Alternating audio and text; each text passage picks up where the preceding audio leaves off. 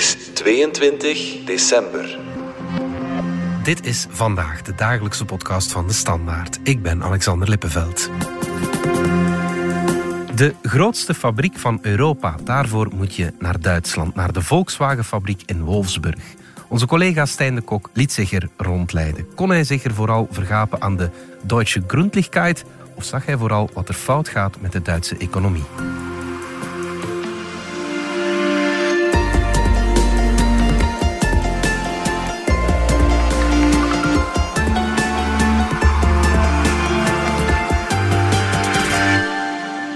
Stijn de Kok van onze economieredactie. Je bent een paar dagen naar uh, Duitsland getrokken, naar Wolfsburg. Wat ben je daar gaan doen? Wel, Duitsland is nog altijd of was de locomotief van Europa, de mhm. economische locomotief. Zeker de laatste 60, 70 jaar mm. was het ja, het economisch-industrieel zwaargewicht.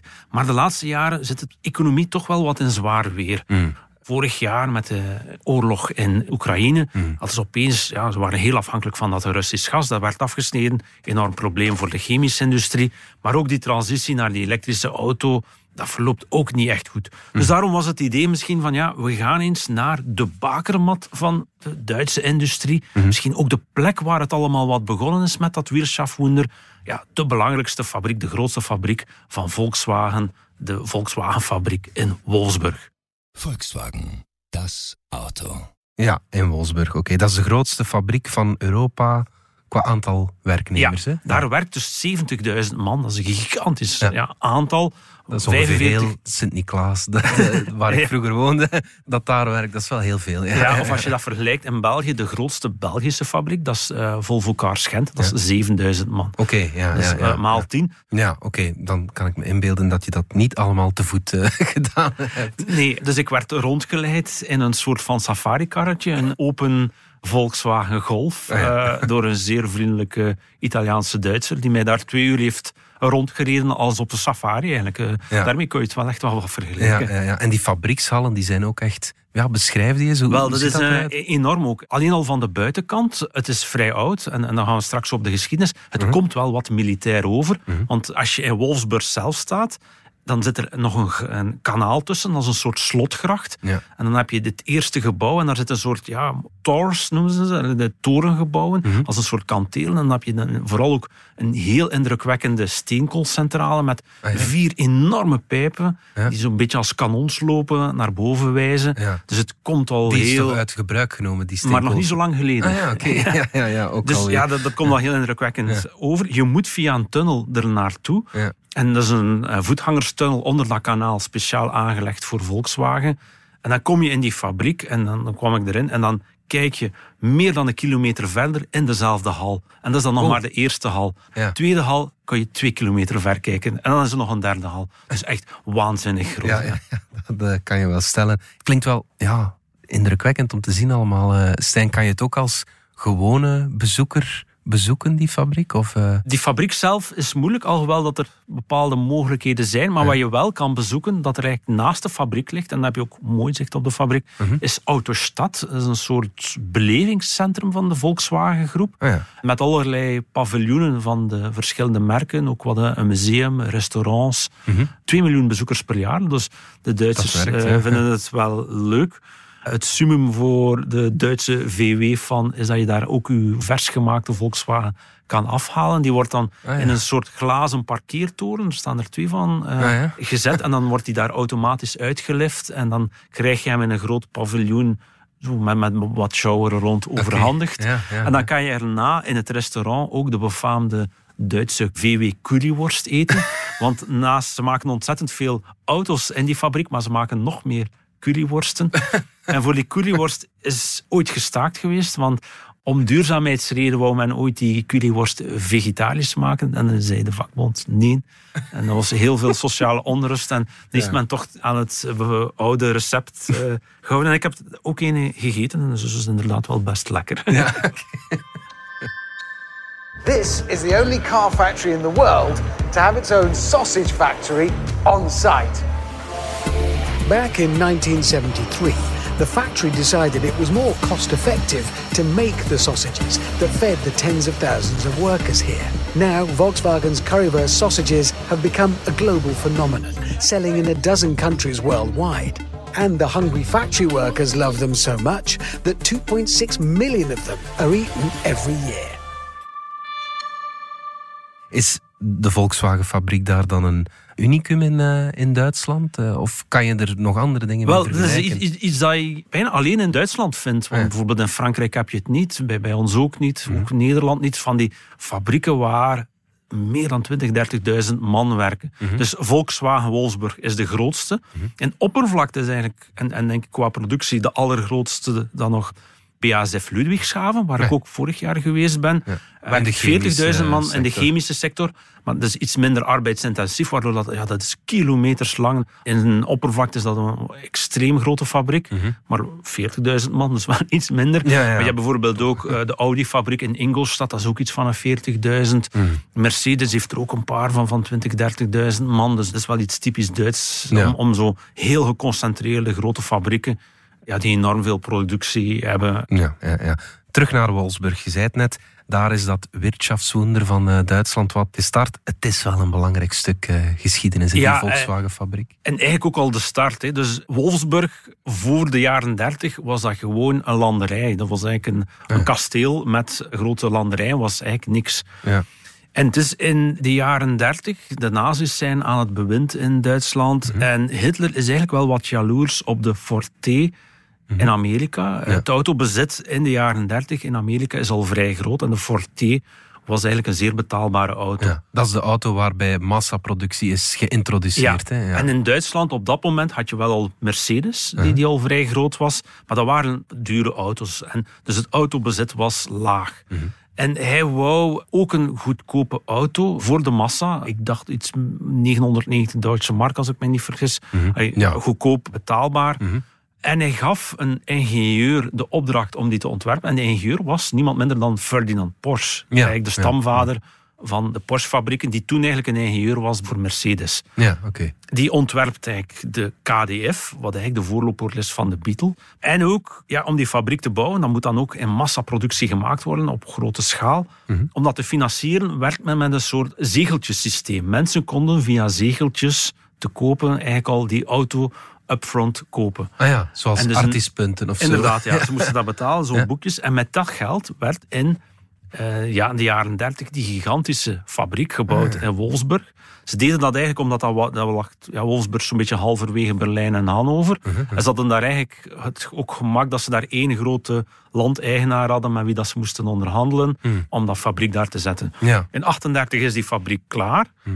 En dan worden er eerste autootjes gemaakt. En er worden eigenlijk van die eerste generatie Beatles of eh, kevers 630 autootjes gemaakt. Ah ja. Maar dan breekt de oorlog uit en wordt die gigantische fabriek omgeturnd tot een enorme oorlogsfabriek. Ja. Mhm. Geen autofabriek meer. Dus we maken allerlei onderdelen voor het Duits leger. Mhm.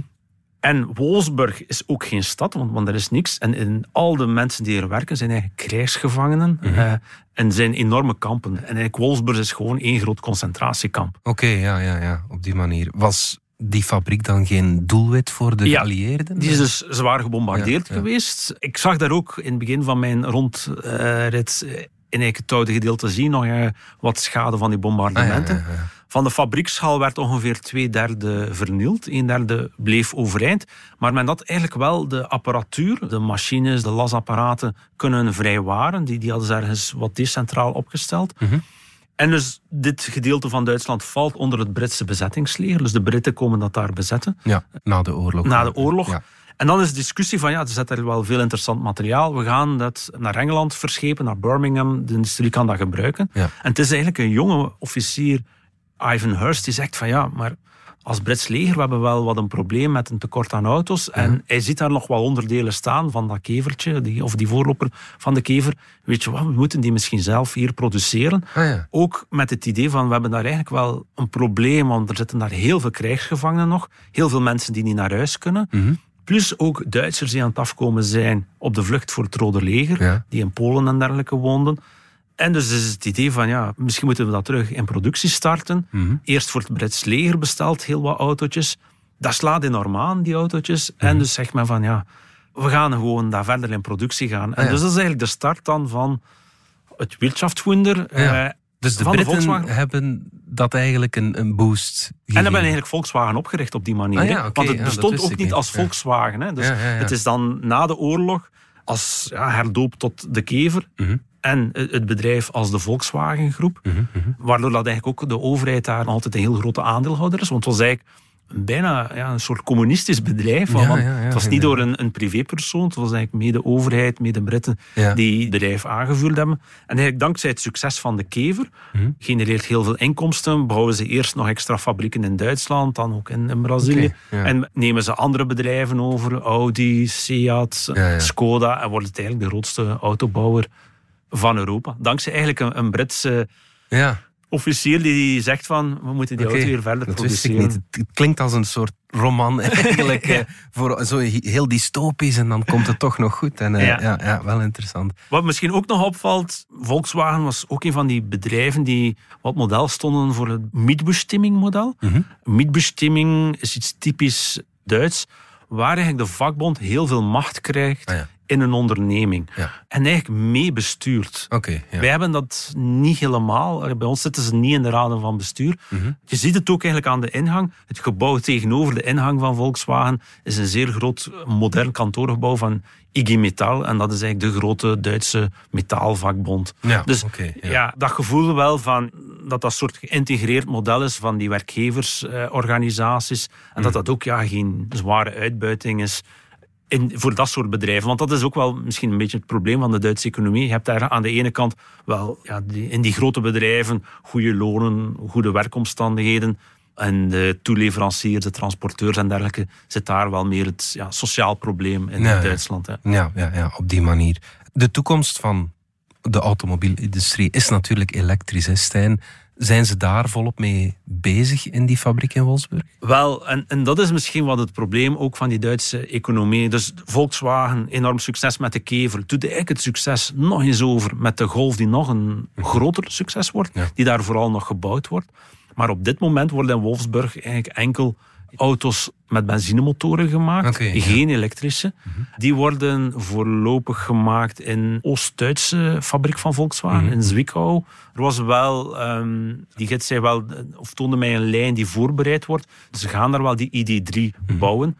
Maar eigenlijk was ook ja, die ID3, want dat is dan het belangrijkste elektrische model, was toch een beetje met het idee van dit wordt de elektrische golf. Maar dat lijkt toch niet echt te lukken. Die, die, die lancering is toch wat moeizaam gegaan, veel softwareproblemen. Oké. En het lijkt op dit moment eerder dat de Model I de nieuwe golf aan het worden is van Tesla, Ja, ja, dan dat ze zelf met een zeer populair elektrisch model op de markt kunnen komen. Oké. Hoe kijken ze daarnaar bij Volkswagen? Ik kan me inbeelden dat dat wel ja, pijn doet. Maar men heeft dat wel al een paar keer gezegd, allee, de CEO en dergelijke, van we moeten wel ingrijpen. Ook daar in Wolfsburg gaan er wat, alleen geen afdanking zijn, maar gaat het personeelsbestand via natuurlijke afvloeiing wat ingeperkt worden. Dus ze, ze moeten op de kosten werken. Ja, ze gaan ook met eigen batterijfabrieken werken. De software was lange tijd een groot probleem. En omdat het een zeer centraal aangestuurd bedrijf is, is dat dan ook zelf een probleem dan voor dochters als Audi, voor Porsche. Daar is men wel volop aan aan het werken. En sommigen zeggen wel van het is nu wel een pak beter. De grote bugs zijn eruit. Maar je voelt wel, ja, dit is een bedrijf dat heel sterk was in, in die naoorlogse periode. Dat model had zeer hiërarchisch, een beetje ja, bijna militair georganiseerd. Waardoor dat je heel goed ja, kwalitatieve benzinewagens kan maken. Ja, Zo'n Tesla is een Silicon Valley bedrijf Ja. in die software veel sneller kan reageren. En ja, daar hebben ze toch wel wat achterstand en die moeten ze proberen inlopen. Ja, ja. Maar los daarvan, de Duitsers liggen niet echt wakker van de elektrische wagen. hè. Ze Ja. hebben zelfs een, een premie voor elektrische wagens afgeschaft. Ja. Terwijl... Ze hebben eh, daar met de schuldenbremse, de schuldenrem, is een grote veroordeling geweest in het Hof van Karlsruhe, dat eigenlijk de, eh, de Duitse grondwet zegt eigenlijk dat ze geen grote tekorten mogen maken op de begroting. Ja, ja. Ze hebben heel wat investeringen gedaan in de vergroening, door eigenlijk ja, een tekort aan te gaan op een begroting, wat eigenlijk de Duitse economie perfect kan. Mhm. Maar de rechter heeft gezegd van het mag niet. Ah ja, dus moet er bespaard worden en een van die besparingsmaatregelen is al het afschaffen van die premies op die elektrische auto's. Ja, ja. Dus die Duitsers zijn er al sowieso niet zo'n, dat blijkt uit de enquêtes, zo wild van, van die elektrische auto. Dus ja, dat is wel ook een probleem voor, voor die Duitse autofabrikanten, dat de klant hen ook niet zo hard volgt. En dat ze nog een tijd die benzineauto's moeten maken. Ja. En hoe komt dat? Want bij ons ja, zie je die elektrische wagens nog veel boven de prognoses eh, stijgen. Hè? Dat, dat, dat is toch een heel groot. Ja, Wel, wat, wat je hier natuurlijk in België hebt, is het grote aandeel van bedrijfswagens. En die worden ja, heel hard richting elektrische auto's gepusht door de fiscaliteit, door het systeem. Daar heb je dat veel minder. Je hebt ook die grote gehechtheid aan hun grote Duitse merken. Duitsland is wel wat conservatief. Ook de infrastructuur is niet altijd voorbereid. Veel Duitsers willen ook heel hard rijden op die autostrades. Ja, Ja. Dan, dan is je batterij ook eh, heel snel leeg. En, en wat zijn dan de troeven van de Duitse auto-industrie nog vandaag? Wel, toch denk ik is het voor de Duitsers eh, en de Duitse autobouwers zeker geen verloren strijd. Ik vind dat je het al meestal bij BMW ziet. Eh, BMW heeft weinig te lijden onder eh, Tesla. Heeft die software beter onder de knie. Maakt eigenlijk ja, heel goede elektrische wagens. En die eigenlijk even goed zijn als die van Tesla.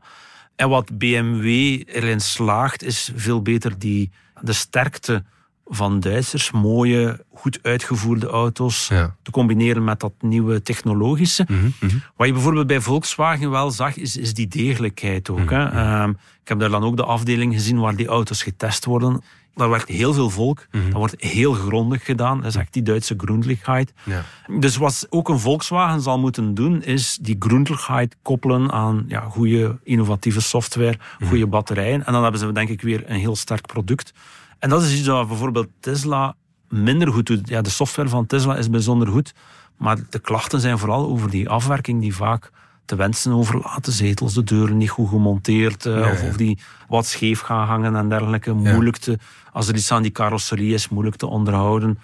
Dus ja, het is denk ik een beetje bijna een strijd tussen de Grundlichkeit van Volkswagen Ja. en misschien de achterstand op de software ten opzichte van de techjongens van Tesla, die die Grundlichkeit in dat productieproces minder hebben van Ja. ja, wie gaat het halen. Maar die En- wel heel wendbaar zijn, echt eh, Silicon Valley. eh, maar ik denk finaal geweest. dat misschien wel de Europese koper, als, als dan die achterstand Ja. minder groot wordt op dat elektronisch gedeelte, Mhm. misschien toch wel weer voor de Grundlichkeit gaan gaan. Ja, ja, ja oké. We begonnen de podcast, Stijn, met het feit dat het ja, niet goed gaat in Duitsland, economisch dan. Kan de auto-industrie, net zoals na de oorlog, die Duitse economie misschien weer uit het slop halen als het ja, die achterstand inhaalt? Voor een stuk wel, maar helemaal naar boven trekken denk ik niet. Omdat ze toch ook wel wat kleiner zijn geworden en de concurrentie, ook vanuit China, heel groot is. Ja, ja. En je hebt natuurlijk ook een aantal structurele factoren die je moeilijk kunt overbruggen. Dan bijvoorbeeld in de chemische industrie. Het feit dat ze geen goedkoop Russisch gas meer hebben, dat komt niet meer terug. Nog iets dat ik tijdens mijn trip bijvoorbeeld gezien heb. Ik moest ook langs de Duisberg passeren. De, de Rijn, de levensader van Duitsland, die staat te hoog eh, Ah, ja. op dit moment. Dus het scheepvaartverkeer kan er moeilijk door. Ah ja. Ik ben er ooit eens in de zomer geweest dat ze er niet door konden wegens te laag. Dus je zit daar met je belangrijkste levensader. Ja, die Waar het altijd, betrouwbaar is Die, die eigenlijk wat onbetrouwbaar eh, Ja, ja. geworden is. En je hebt daar heel veel industrie rond. Dus ze hebben wel heel veel issues daar rond. Wat je ook wel wat voelt in de, in de steden. Het is niet dat het daar eh armoedroef is, Mhm. maar het is, het is een beetje conservatief. Het is allemaal wat achterhaald naar nieuwe concepten. Wat ik ook gezien heb in de stations, ik ben een paar keer ook in een station binnengelopen. Ja, het treinverkeer is daar nog slechter dan hier. Heel veel treinen die uitgevallen zijn, enorme vertragingen. Ja. Dus ze hebben wel echt een reset nodig. Maar ik geloof wel dat, dat ze het kunnen. Het blijft een technisch eh, sterk land met heel veel nog altijd sterke bedrijven, goed opgeleide mensen. Eh, Het potentieel van de Duitse economie en de bedrijven is groot. Het is ook een land, alhoewel dat ik het vind dat het nu wat minder is, dat bijvoorbeeld veel meer dan België, als het in problemen zit, dat er een soort ja, eenheid, alle neuzen in dezelfde richting. Ja. Zo is eigenlijk het Wirtschaftswunder ook wel wat mee ontstaan. Ja. Van, van de vakbonden, bedrijfsleiders, de politiek van oké, we zitten hier in een groot probleem, ons land is kapot gebombardeerd, we moeten er terug uit en het is collectief. En dat was ook, dat zeggen ze daar dan. ja, ja, begin ja, jaren ja. 2000 hadden we dat ook. 2004 was Duitsland nog de zieke man van Europa. En dat is eigenlijk ook een collectieve beslissing. Vakbonden, werkgevers, politiek. We gaan een bepaald beleid voeren en we gaan eruit. Ja. nu is dat misschien toch iets minder. Is die verdeeldheid ook toch ook politiek veel groter. Mhm. En ik heb nog niet het gevoel dat ze volledig de, de neuzen in dezelfde richting gezet hebben. Maar ik denk een keer dat ze het terug doen, ja, Ja, dan eh, komen blijft ze het wel een, een... Ja, heb je toch wel heel veel sterke bedrijven Ja, en veel kennis om het te doen. ja oké. Goed. Stijn de Kok, dankjewel. Ja, graag gedaan. Dit was vandaag de dagelijkse podcast van de Standaard. Bedankt voor het luisteren. Volg ons op Spotify, Apple Podcast of eender welk ander podcastplatform. Of download de vernieuwde app DS Podcast, waar je ons werk en de beste luistertips van onze redactie terugvindt. Alle credits van de podcast die je net hoorde vind je op standaard.be-podcast. Reageren kan via podcast.standaard.be.